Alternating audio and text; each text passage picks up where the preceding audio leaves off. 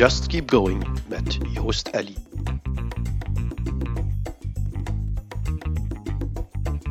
Mocht iedereen in België gewoon zijn belastingen betalen en ophouden met dat buitenlandse webshoppen, het zou hier nogal eens een welvaart zijn.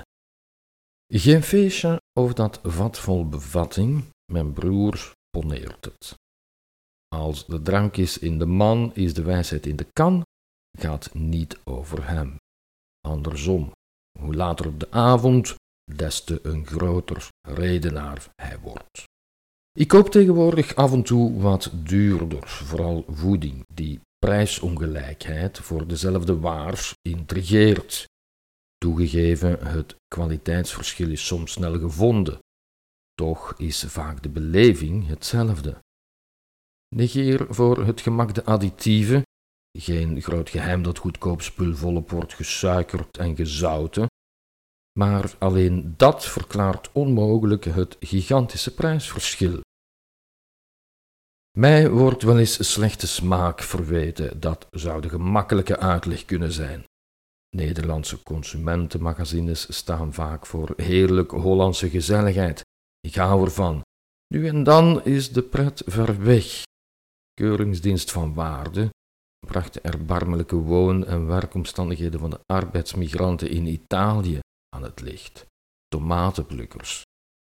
Slavernij om de hoek. Daar dus komen goedkope bliktomaten vandaan. Vandaag bij Colruyt aan 36 cent te koop.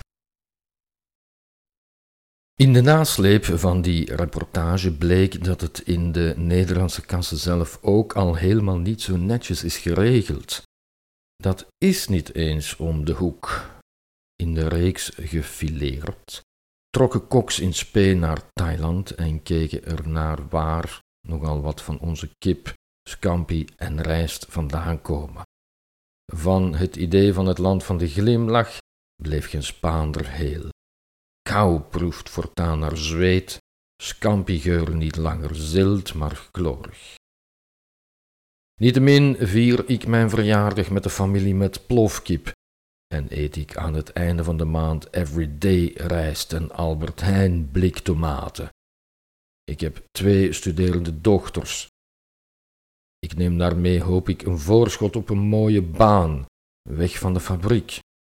Het is het makkelijkst beknibbelen op voeding. Bovendien, eigen hachje eerst. Daar word ik door de stewardess aan herinnerd, telkens ik een vlucht naar Azië neem. De grondpijlen in de koolruit zijn voor mij een thema. Hoeveel mensen ze ontgaan blijft verbazen. Ze zijn groot en wit op een donker vloer. Het is eenvoudig. Neem de eerste gang, sla daarna telkens rechtsaf. Behalve de eerste, zelfs die is discutabel, zijn alle andere pijlen in feite overbodig. Corona valt bij Colruyt zo onmogelijk op te rapen. Ik wandel rechts zonder koopverleiding de hele winkel door, want let op de baan. Ik haal uitsluitend links in. Bij tegenliggers klapt het systeem in elkaar. Er valt wat voor een pijlpolitie te zeggen. Ik stop achter mijn karretje, het ene stilstaan, nooit parkeren, is het ander niet. Bakpoeder is lastiger gevonden dan waspoeder. Dat vraagt speurwerk. Onachtzaamheid aan de linkerkant veroorzaakt snel verkeershinders. Er zijn moeilijke en gemakkelijke gangen. Bij de gezonde voeding ontstaat vaker kijkvillen. Daar talmen de etiketlezers. Non-food rayons zijn zelden hinderlijk tenzij Pascal Nasus een nieuw boek uit heeft. De versmarkt is het lastigst. Daar dreigt chaos door de ontbrekende pijlen. Samen met de temperatuur daalt er ook de sfeer. De guit pikt snel zijn zoutjes en zijn frisdrank. De chagrijn dupt bij de noten en zaden en bij het superfood. De oersdiëters er schijnt verband tussen waar met grote ecologische voetafdruk en serieus, Mechelse Pringles versus Peruviaanse avocado, Lubeekse Ricci tegen de Maracuja uit Colombia. Tropisch fruit kopen lijkt onprettig en tijdrovend. De pommeloog betast, besnuffelt en legt, ook in coronatijd, vaak terug. De bewuste consument hindert. Soms landt een bioliefhebber aan, wellicht de flexi-bio-eter. Ferm of Origine O zijn te duur. Biofresh bestellen druist tegen een of ander dwaasprincipe in. Er kan natuurlijk ook gewoon sprake zijn van transitie. Het label lezen verraadt versgewekte interesse, links of in het midden van de gang. Zo'n confuus vrouwmens dartelde mij in de weg bij de bouillonblokjes. Bio-voedingssupplementen staan naast de giftige smaakversterkers. Met haar schone quechua-jas en broek en loa bergschoenen had ze vandaag niet gewandeld. Het was al avond. Ze was onrustig, te mager en haar bril vergat ze ooit te vernieuwen. Ze zocht waarschijnlijk Sint-Janskruid. Haar aura zoog mij mee in haar depressie. Het overkom vaker met dat soort figuren. Ik haalde snel links in, zo goed als het kon.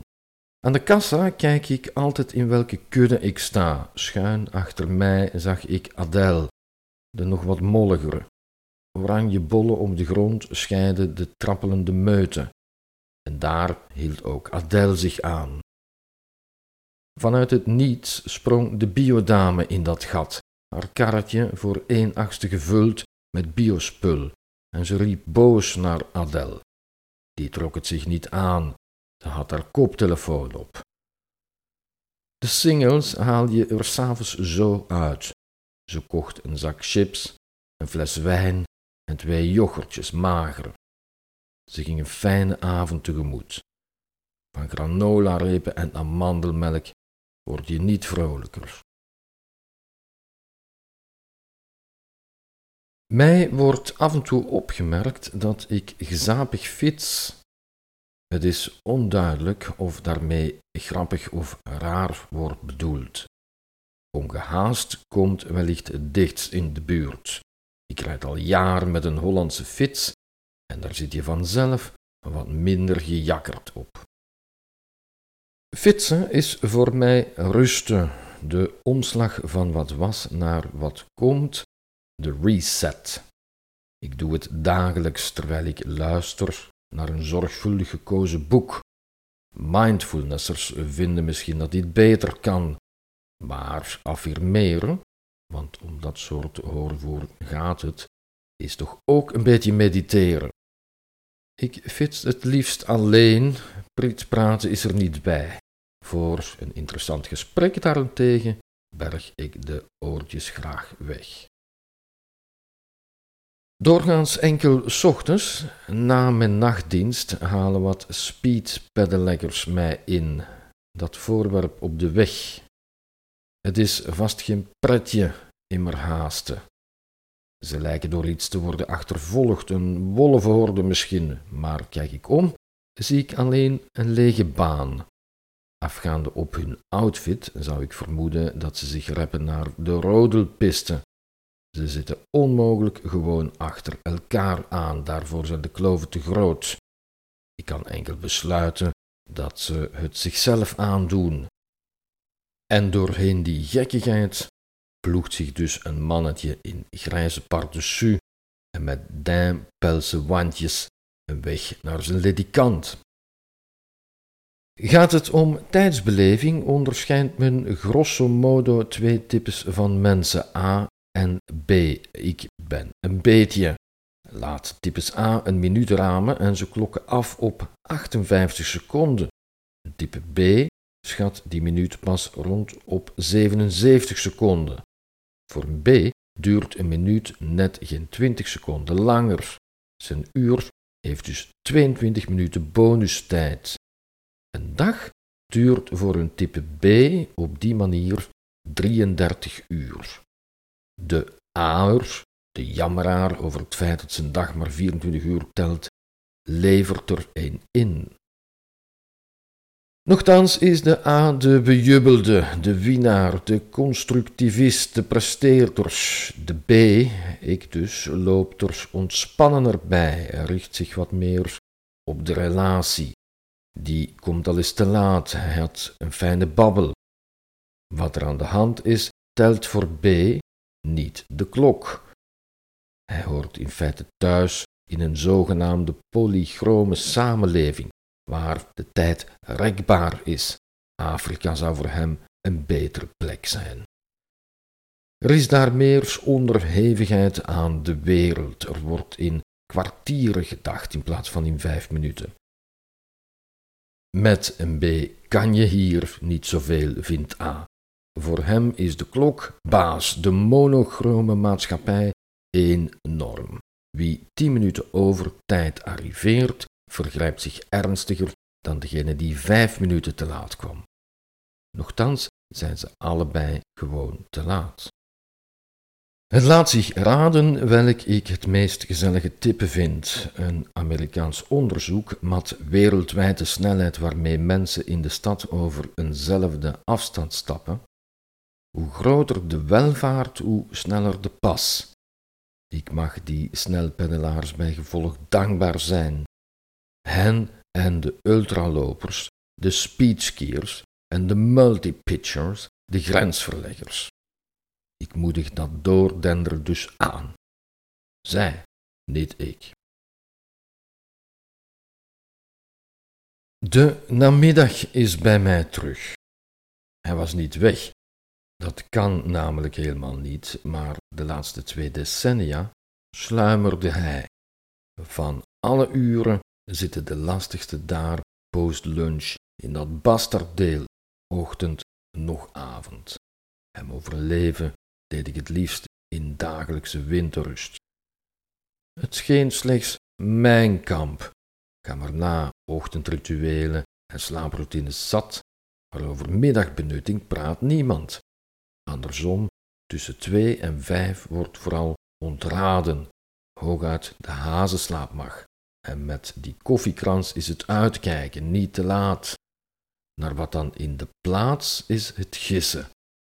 Niettemin is er een probleem. De achternoen, de lelijkheid van dat woord voorspelt weinig goeds, was mij lang een verholen preludium van iets vervelends. Ik nam het volwassen leven en gaf mijn tijd. Kinderen, huwelijk en huis namen over. Het laatste spoor, identiteit, vond ik in mijn werk. Ontzie de werkmens zijn arbeid en hij gaat dood. De zin doet vaak niet eens ter zake, het gaat om het weg zijn. En ze zijn met velen. Het was mijn keuze, van draagwijte hoorde ik nooit. Alleen maar wilskracht dreef mij na de klok van drie. En wilskracht is eindig. De schaarse vrije namiddag streepte ik in uren weg. Bestaansleegte nog steeds voelt dan het hardst. Niks doen is lastig. Vraag het de zondagshoppers en de feestdaghaters. Huizenbezitters vinden een reisverbod ontbering. FOMO kent geen leeftijd. Van de middag had ik mij het liefst zo snel mogelijk ontdaan. Dat werd anders. Ik praktiseer het zijn, mediteren. Iemand moet er een ander woord voor bedenken. Lukt nu en dan, maar een gewoonte is het niet. Gedubt wordt nog altijd het vaakst na twee uur. Conditionering wellicht, want alle aanleiding is weg. Ik laat de tobberij met rust, verzet verergerd. Dat is de oefening. Weten dat lastige gedachten ook weer weggaan, zolang ik mij er niet mee bemoei. En zo wordt het vanzelf weer avond. De voeling blijft, de zingevingsvraag ook. Ik let op voor mensen die zeggen dat ze het voor elkaar hebben, dus ik wil er zelf geen zijn. Voor hen die beweren de rust te hebben gevonden, ik vraag me af wat die rust dan precies is. Het is als een man die zegt zichzelf altijd al vrouw te hebben gevoeld. Was die dan ooit al een vrouw? Ik heb het liever over tevredenheid, dankbaar slapen gaan en blijf weer opstaan. Zoiets.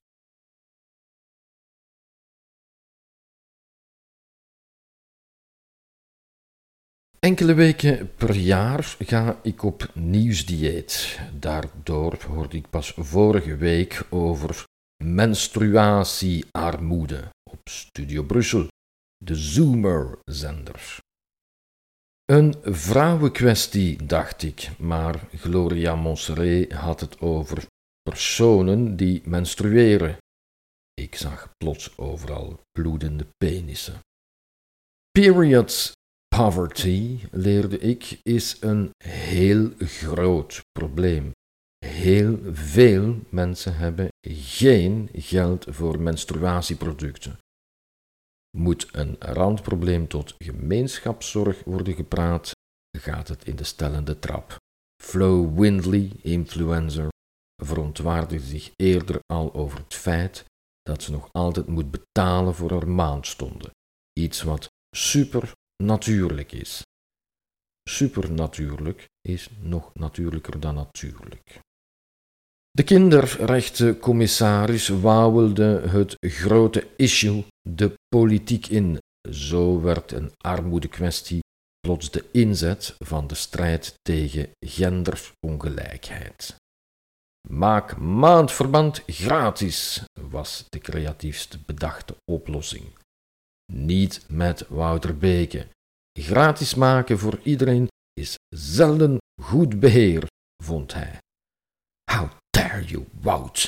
Jij, man, bovendien. Eén op de acht dames kampt ermee, alleen dus menstruerende vrouwen werden bevraagd. Het journaal raamde de menstruatiekost op 80 cent tot 3,60 euro per maand.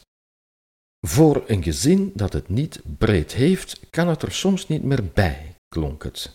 Mij lijkt het een prioriteitenaangelegenheid. Met een cola uit de automaat per maand minder is het al fijner regelen. Jitske, ik ben op mijn juist als ik mijn brol heb. Van de verre sprong Gloria bij. Ook zij is gedegoteerd over dat betalen bloeden. Als free bleeder zweert ze bij menstruatieondergoed. Ze laat haar brol gewoon lopen, maar breekt graag een lans voor de menstruatiecup. Handig, uitwasbaar en economisch.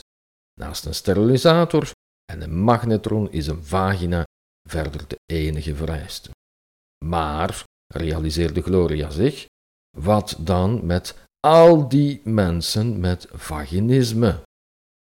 Die mensen samen is 4% van de vrouwen.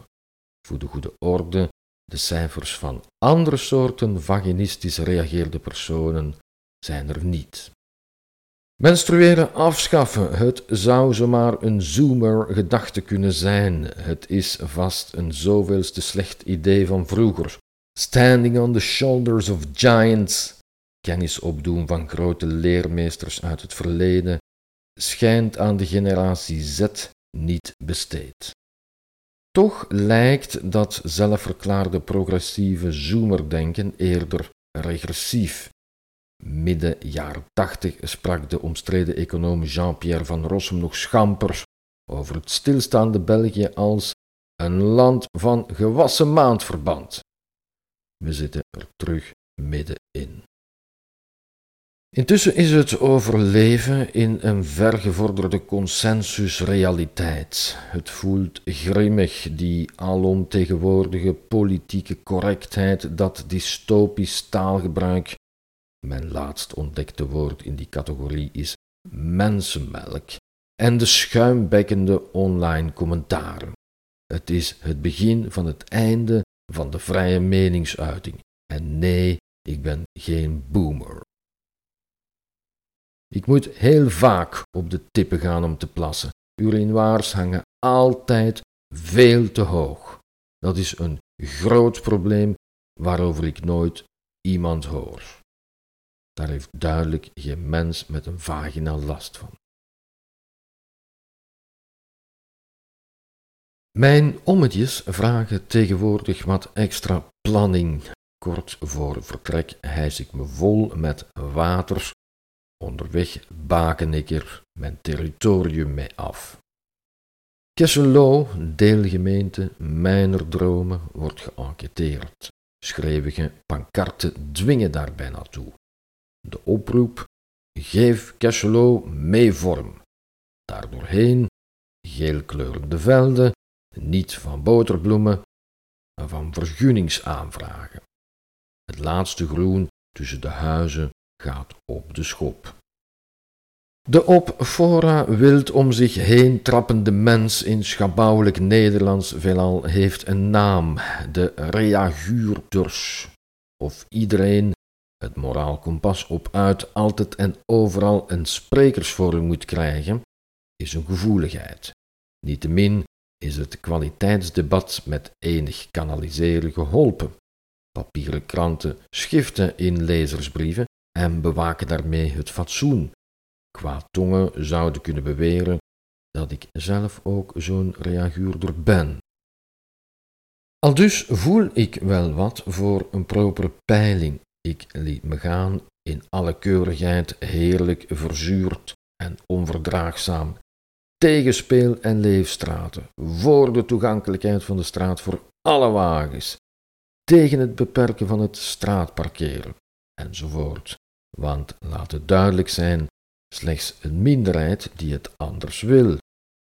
Nood, ik heb zelf geen auto, ik leen er hooguit per week eentje en woon op een drukke baan.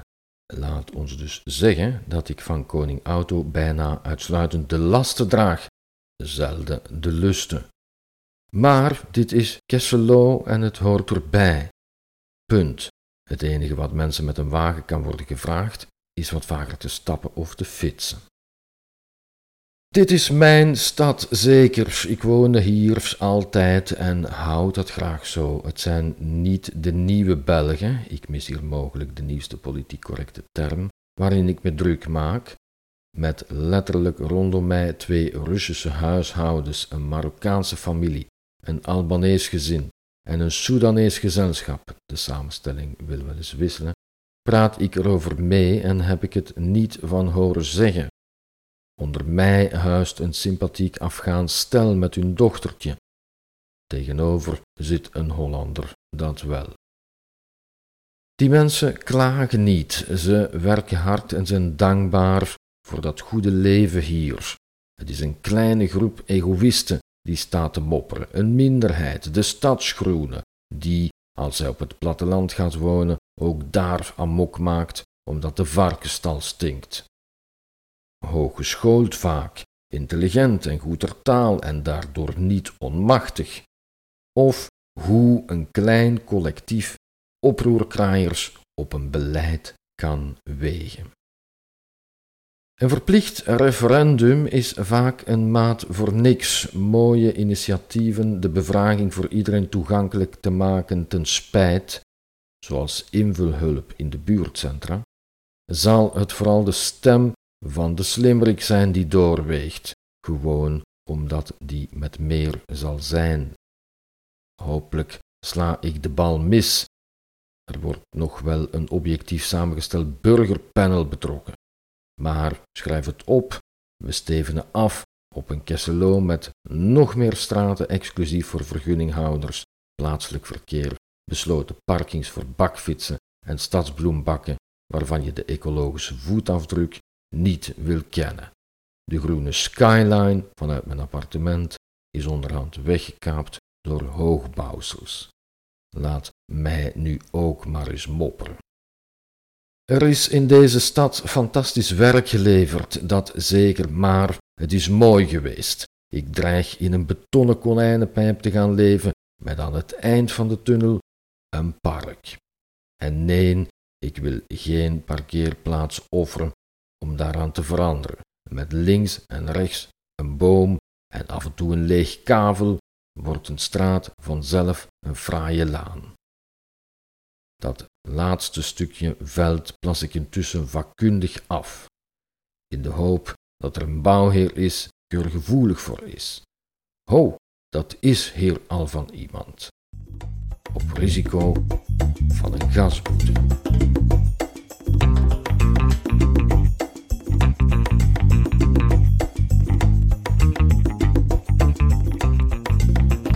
De kassière van kassa 1 behandelde me onheus.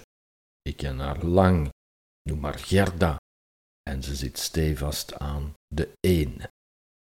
Aan de 1 zitten niet de prutsers, want daar gebeurt het, staat de huistelefooncentrale, wordt bijstand geregeld en sterke dranken, batterijen en vuilzakken met het leven bewaakt. Je bent er ook de postbediende. Ik zag haar uithaal niet aankomen. Gerda is altijd aardig, maar, leerde ik, draait ze een kwartslag om. Tot postmeester is dat moppige weg. Van de slag praat ze als een overheidsbedrijf. Ik kende die kant van haar niet. De vaart waarmee PostNL bezorgd blijft verbazen. Afgelopen week flikte ze het in net geen tien uur tijd. Ik denk graag mee over betere werkomstandigheden voor order pickers, maar gaat het om mij, gebeurt de levering toch graag snel. Ik heb mijn pakje doorgaans echt wel nodig. Af en toe moet een pakketje terug en zo ook nu. Een defect, dus een ecologisch verantwoord retour. De teleurstelling was groot en derhalve, de pakjespolitie ten spijt, gebeurde dat best per direct.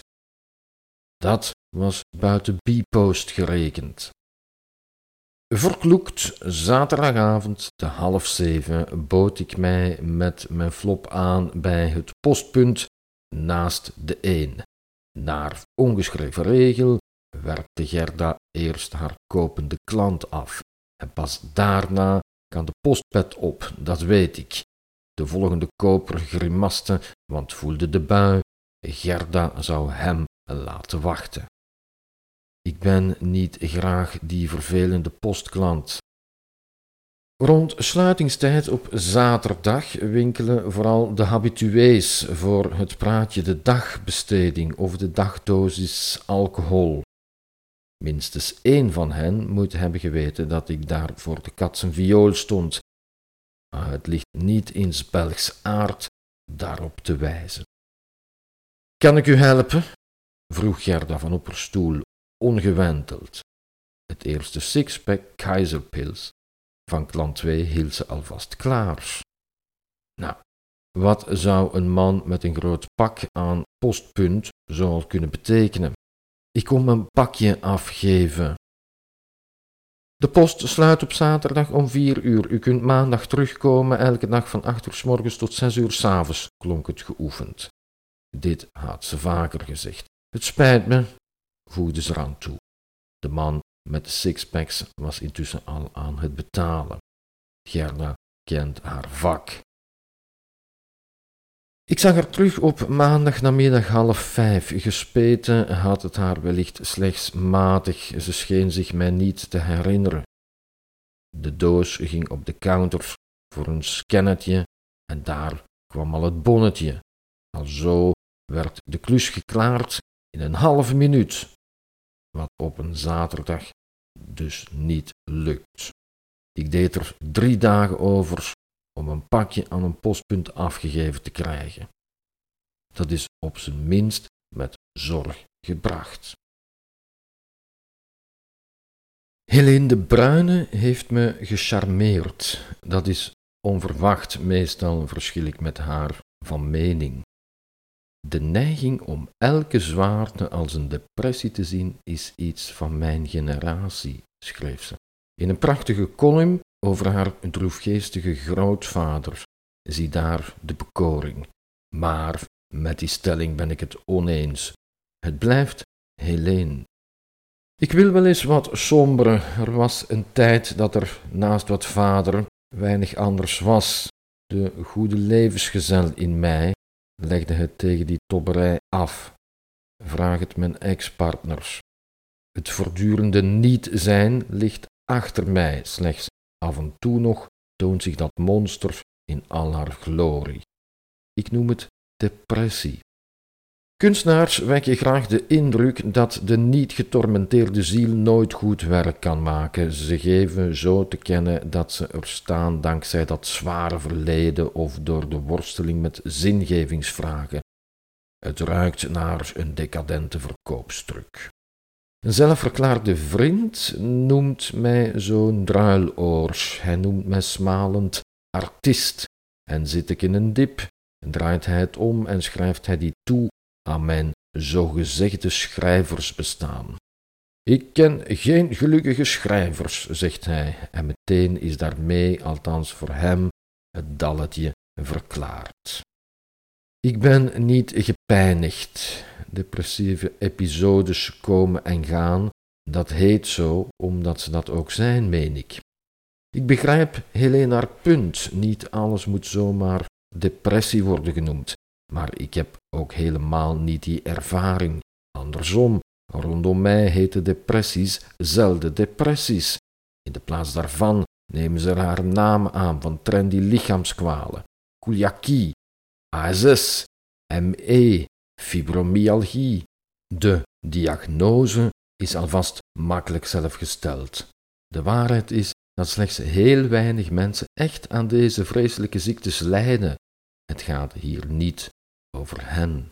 In een iets beter geval wordt een geestelijke klacht weerhouden. Er is dan sprake van een bore-out, hoogsensitiviteit, een relatiecrisis, een verslaving. Vals gehoopte symptomatische behandelingen zijn het gevolg. Op wilskracht wordt verkast, gejobhopt, gescheiden, gerebound, gebotoxed, gefitnessd, gevast. Dat gesleutel geschiet bovengronds en de bodem blijft ondervoed. Het kan, wat mij betreft, niet vaak genoeg depressie worden genoemd. Liever een keer te veel dan te weinig. Het zou een vorm van erkenning zijn voor psychisch leed, van iets dat er mag zijn en dus niet langer dient te worden verhuld met somatische klachten. Helene de Bruyne schrijft hoe haar grootvaders af en toe een tijdje niet ging werken om letterlijk wat te gaan dolen. Hij somberde als het ware uit en ging gewoon weer aan de slag wanneer hij er klaar voor was. Ik ken dat soort periodes af en toe, meestal heel onverwacht, dient zich zo'n lastige episode aan.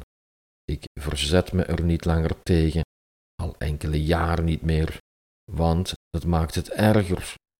En daardoor overkomt het me steeds minder. Het vraagt moed om van het werk thuis te blijven, gewoon omdat het niet gaat, omdat het er gewoon is. Nochtans is dat de meest gestelde vraag. Is er wat aan de hand? Het is er gewoon wordt slecht begrepen. Er is niets, nog minder. Dat niets kan enkel worden opgevuld met tijd, en daar weten mensen die dat niet kennen geen blijf mee. Ze vullen die leegte dan maar in met hun veronderstellingen, of ze worden kwaad. Niemand vat het beter dan Stephen Fry. Het leven is weerbarstig. Scott Adams, de maker van de Dilbert cartoons, zegt: Gelukkig zijn is doen wat je graag doet, wanneer je dat wil doen. Dat is de uitdaging. Ik ga achter het lange termijn geluk aan, niet voor de instant bevrediging. Intussen schrijf ik blogs die geen hond leest, of beter slechts een handvol trouwe lezers. Maar ze zijn er wel en ik moet het hen niet vragen. En het stemt me erg gelukkig. Het is een koud kunstje om een paar honderd volgers aan te trekken, maar het zou betekenen dat ik daar veel tijd in steek die te kosten gaat van mijn schrijven, van de tijd met die paar goede vrienden van mij, van de wandelingetjes met mijn moeder of met mezelf, van mijn dochters. Van de tijd om gewoon eens te gaan zitten en om, als ze zich weer eens toont, goed te kijken naar die depressie. Ze zo te noemen en vooral niet te vragen waarom ze er weer is. Daaraan heb ik de handen vol. Het is wat we niet echt gewend zijn, wat echte venten niet doen. Komt hij op tv, dan kijkt Rick Verheijen niet. Hij heeft er eenvoudigweg de tijd niet voor. Vreemd hoe sommige artiesten de zelfverklaarde voorop de schouders ophalen als het over succes gaat. Ik mag Rick daarom niet. Het is niet de enige reden. Rick heeft namelijk blond haar. De aversie voor de lichtgele mannendos begon vaag ergens tijdens mijn lagerschooltijd. Ongeveer plots, waarna het zo bleef. De witte kop hoeft er niets voor te doen. Of misschien lag het toen toch aan Davy Evers. Evers van het Arische type praatte mij bij de directeur aan de galg. Ik dropte een stinkbom op de schoolbus en hij wist daarvan. Er kwam een onderzoek en hij verlinkte me. Zoiets blijft hangen. Evers bevestigde mijn gevoel dat het uitkijken is met geelharige. Want hij was niet alleen. Chris Driepennings, Chris Wienans, Pieter van Rillaars. Ik luchtte ze niet, ook al hadden ze me nooit niks misdaan. Alleen waren ze blond. Die afkeer gaat met de leeftijd mee. Het betreft niet langer de blonde knaapjes van het soort dat we toen waren. Het zou betekenen dat ik mijn petekind Floris niet mag. En het tegendeel is natuurlijk waar. Of Jommeke. Leven Floris en leven Jommeke. Het is nu een mannenzaak, de jongetjes die niet van haar kleur veranderden. Evers en Co.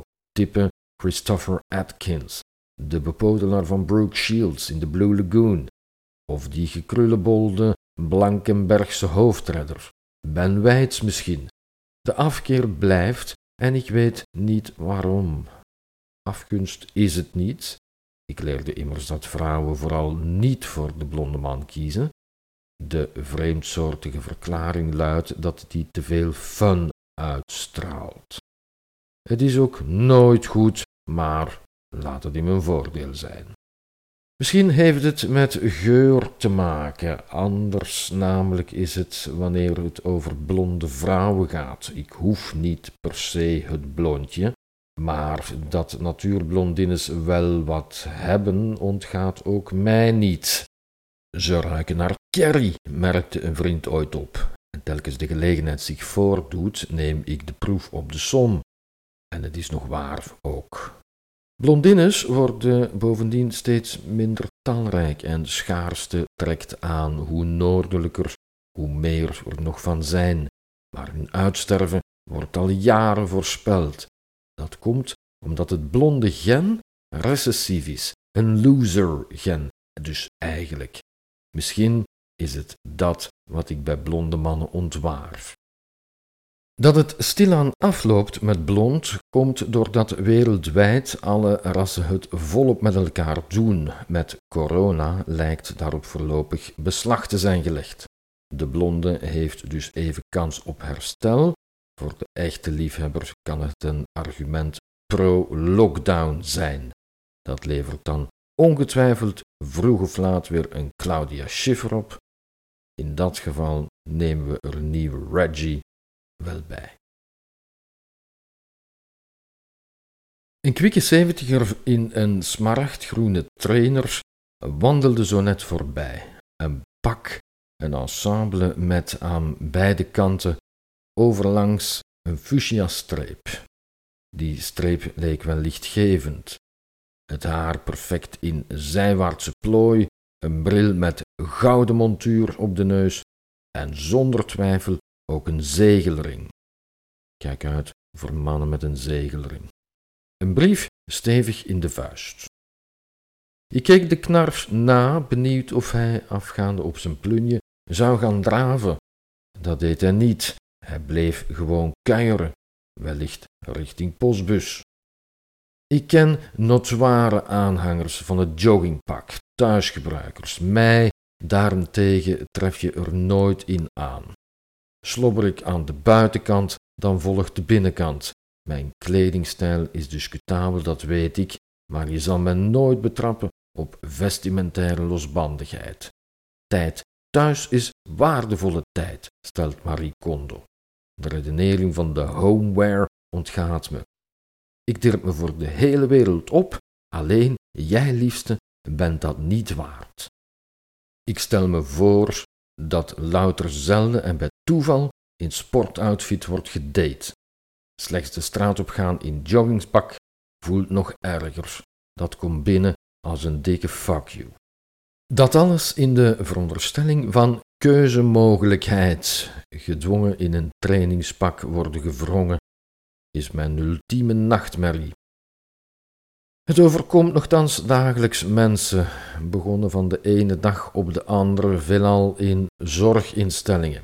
Wat hersenbloedingjes of een ongelukkige hoofdklap en het kan zomaar prijs zijn. Want komt er een pamper aan te pas, en die keuze is vaak snel in uw plaats gemaakt, een accidentele lekkage volstaat, is het bingo. Dan ga je aan de turnbroek. Dat is namelijk gemakkelijk. Gaat het over goede smaak, dan is het argument gemakkelijk veruit de slechtste raadgevers. Op mijn eerste dag als psychiatrisch verpleger, dertig jaar terug in de tijd, kwam een oud heertje naar mij toe. Grijs kostuum, flatcap, dat heette toen nog gewoon een klak, en wandelstok. Ik ben Jean, zei hij, Jean Paravant, van Lijven. Hij maakte er punt van met elk nieuw gezicht kennis te maken. Ken wat Poske in Lijven? vervolgde het. Dat is van mij. Zo ging het altijd. Jean sleet zijn leven in de geesteszorg. Hemzelf stoorde dat allerminst. In de patiëntengroep was hij eerder onopvallend. Hij daagde eigenlijk alleen op bij de maaltijden. Enige grootheidswaanzin was hem niet vreemd en derhalve gedroeg hij zich wat verheven.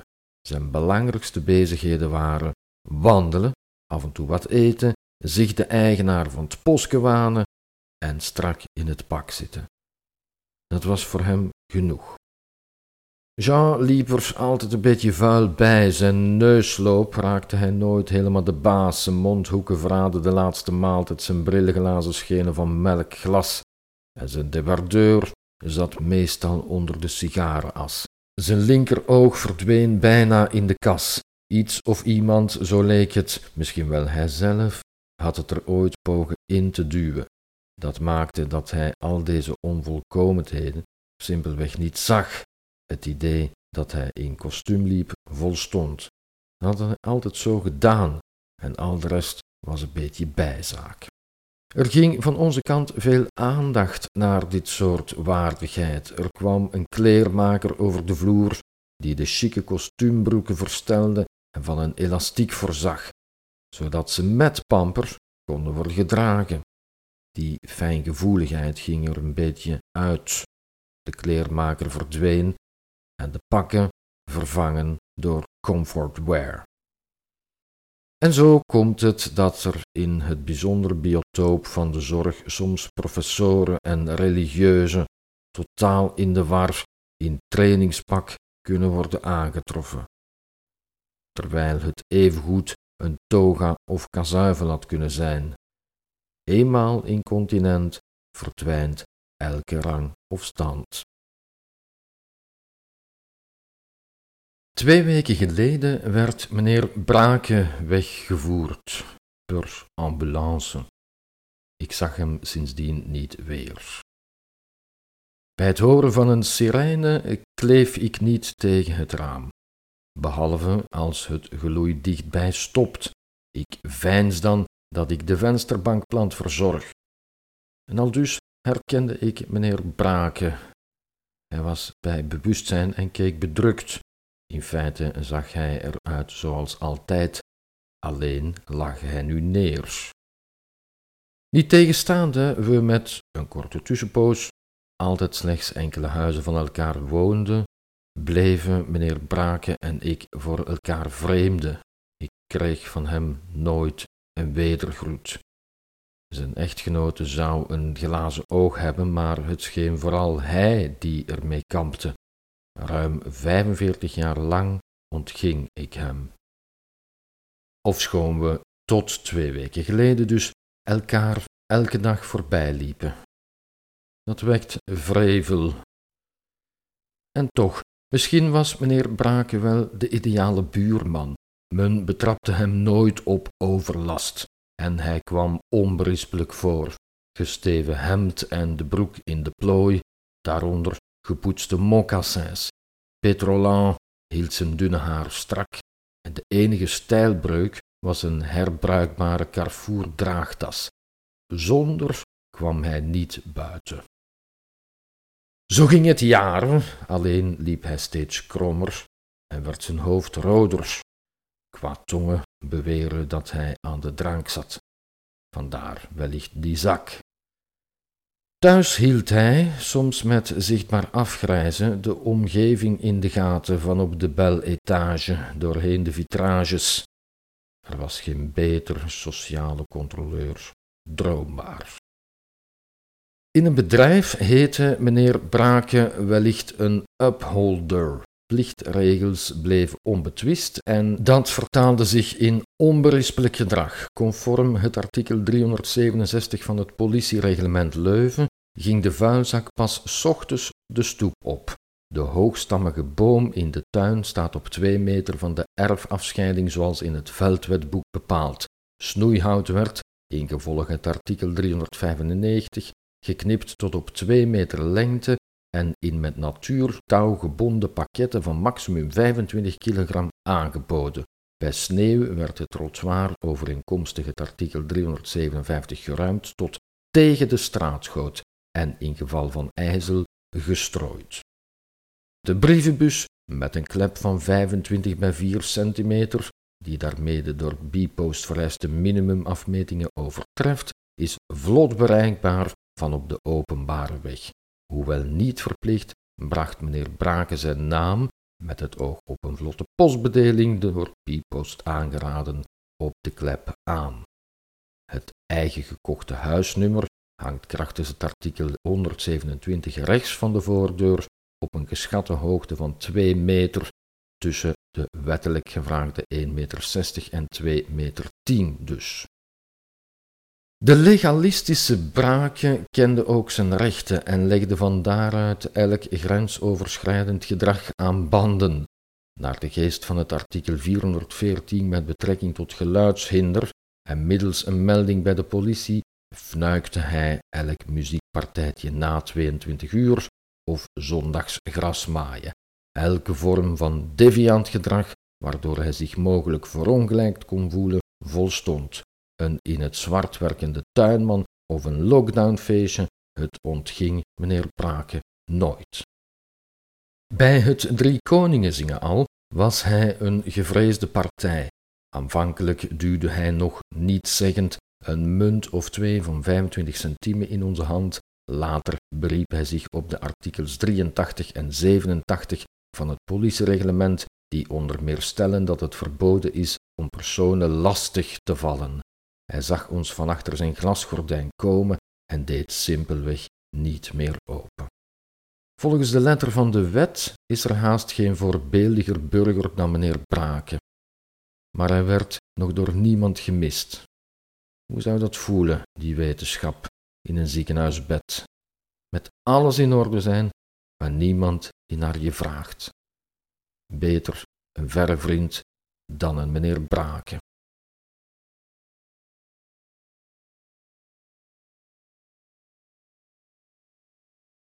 Afgelopen weekend herbekeek ik de klokkenluider van de Notre-Dame.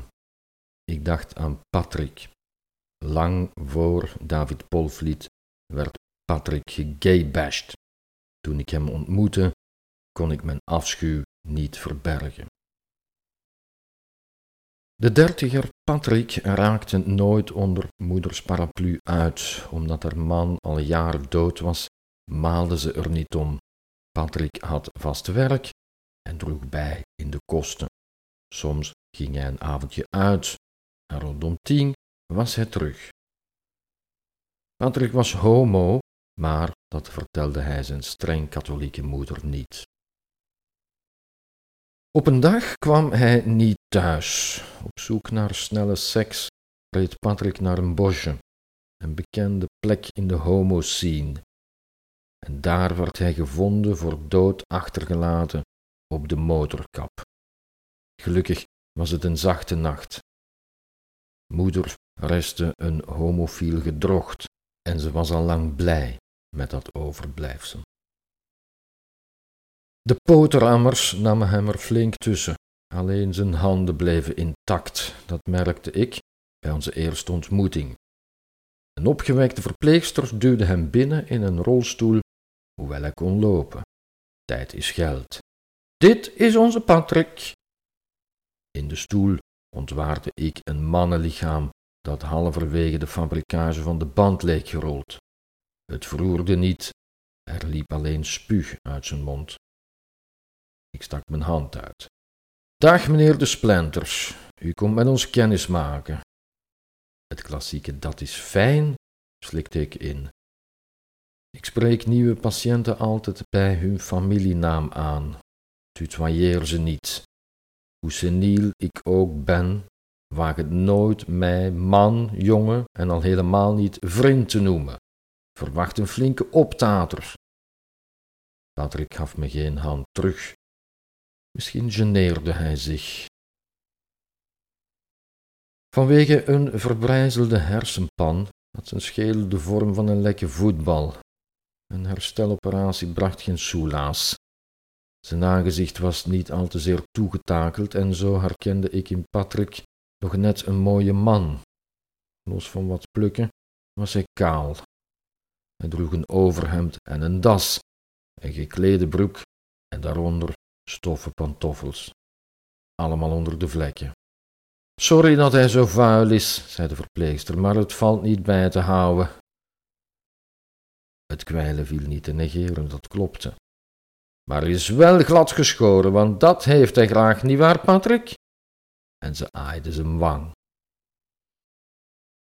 Patrick paste zich gemakkelijk aan. Hij dweilde met zijn rollator hele dagen de afdeling af. Niemand wenste met hem contact. Niet verwonderlijk. Hij sprak bijna nooit, zag er eng uit en hij stonk. Door wat fikse tikken op zijn rug was ook de controle van zijn anale sluitspier eraan. Zelfs het meest gesofisticeerde incontinentiemateriaal stopte de kwalijke geur niet. Af en toe zette hij zich in de verpleegwacht. We zagen hem dan tot rust komen. Alleen weigerde hij vervolgens te vertrekken en er zat niets anders op dan hem onder dwang weer op de gang te zetten. Hij viel moeilijk te plezieren. Van zijn moeder hoorden we dat hij een foodie was, een stijlvol man, die niet op een cent meer of minder zag. Nu kreeg hij elke middag groentepuree en gemalen vlees met jus. Vanwege het schrokken zat hij aan een apart tafeltje. Hij droeg een plastic slap en at uit een soepbord met bordrand op een antislipmat met een kromme lepel. De wijnliefhebber dronk nu ingedikte cola uit een tuitsbeker. Het overhemd en de das maakte het plaatje alleen nog pijnlijker. Zijn bejaarde moeder kwam twee wekelijks. Ze was twee uur met de bus onderweg en sjouwde een filet, een nepjute Sports Direct zak en een Raffaise sporttas mee, met daarin de gestreken hemden. Patrick was gek op mellowcakes. Zij had het over negerinetetten die ze, ondanks ons afraden, toch bleef meebrengen. Door een welgemikte stoot in de pancreas was ze diabeet geworden en omwille van zijn slikproblemen was het biscuitje levensgevaarlijk. Maar ze hield vol. Wie Patrick zei, zijn negerinnentetten. Of er misschien nog iets van hem mocht overblijven. Haar aanwezigheid maakte Patrick niet veel uit. Eenmaal de mellowcakes achter de kiezen schokte hij gewoon weer rond. Omdat het probleem van de in de verpleegwacht zittende Patrick steeds groter werd, brachten we een rode lijn op de grond aan. Het had moeite gekost, maar na een tijdje begreep Patrick de bedoeling. Daarmee was hij nu dus ook zijn rustpunt kwijt. Er restte hem alleen nog de gang en de living, want zijn kamerdeur ging overdag op slot. Hij moest nu eenmaal permanent in de gaten worden gehouden. Big Brother. Op een dag vergat ik de deur van mijn bureel te sluiten. Toen ik terugkwam, zat Patrick in een bezoekerszeteltje. Hij had een nieuwe plek gevonden. Preventief waren in alle burelen rode lijnen aangebracht. Hij was er bij mij dus overheen gegaan en meteen had hij ook mijn boterhammen opgegeten. Ik besloot hem te laten zitten en schond daarmee een gedragstherapeutische wet. Ik leerde hem zonder gevolg over de rode lijn heen stappen. De ervaring had me geleerd dat dit geen goed idee was. Voor mensen als Patrick is het een vrijgeleide om opnieuw volop te proberen hoe ver hij kan gaan. Er ging een rust van hem uit die ik al lang niet meer zag. Maar ze mijn boterhammen? vroeg ik laconiek. Hij lachte onbeholpen. En daarna bleef hij gewoon zitten. Ik liet hem zitten. Ik probeerde wat verder te werken, maar dit hoorde niet. Ik ging in de fout, ondermijnde het werk van alle collega's die hem zo consequent over de rode lijn hadden geïnstrueerd. Hij geurde weer bijzonder sterk. Ik maakte me zorgen over de stoffering van mijn zeteltje. Hij reutelde als een overkweekte Pekinees. Hoe is het eigenlijk met u, Patrick? vroeg ik zacht. Goed, stort hij uit, niet aankijkend. De G uitspreken lukte niet meer. Het ging helemaal niet goed met Patrick. Hoe zou het ook kunnen? Wellicht had hij het over dit moment. Ik weet niet goed hoe het met hem is afgelopen. Ik verliet de afdeling eerder dan hij. Toch blij dat ik hem heb gekend, deze Quasimodo. Het is voor het eerst dat ik hem zo luidop noem. Mensen als Patrick, dat zijn zij waarvan je hoort dat ze na een ongeval kritiek, maar buiten levensgevaar zijn. En moet dan doorgaan voor goed nieuws. Ik heb het vaak gedacht als Patrick voorbij schokte. Misschien was er beter een gay basher meer geweest. Als onze moeder het daarmee niet eens zijn.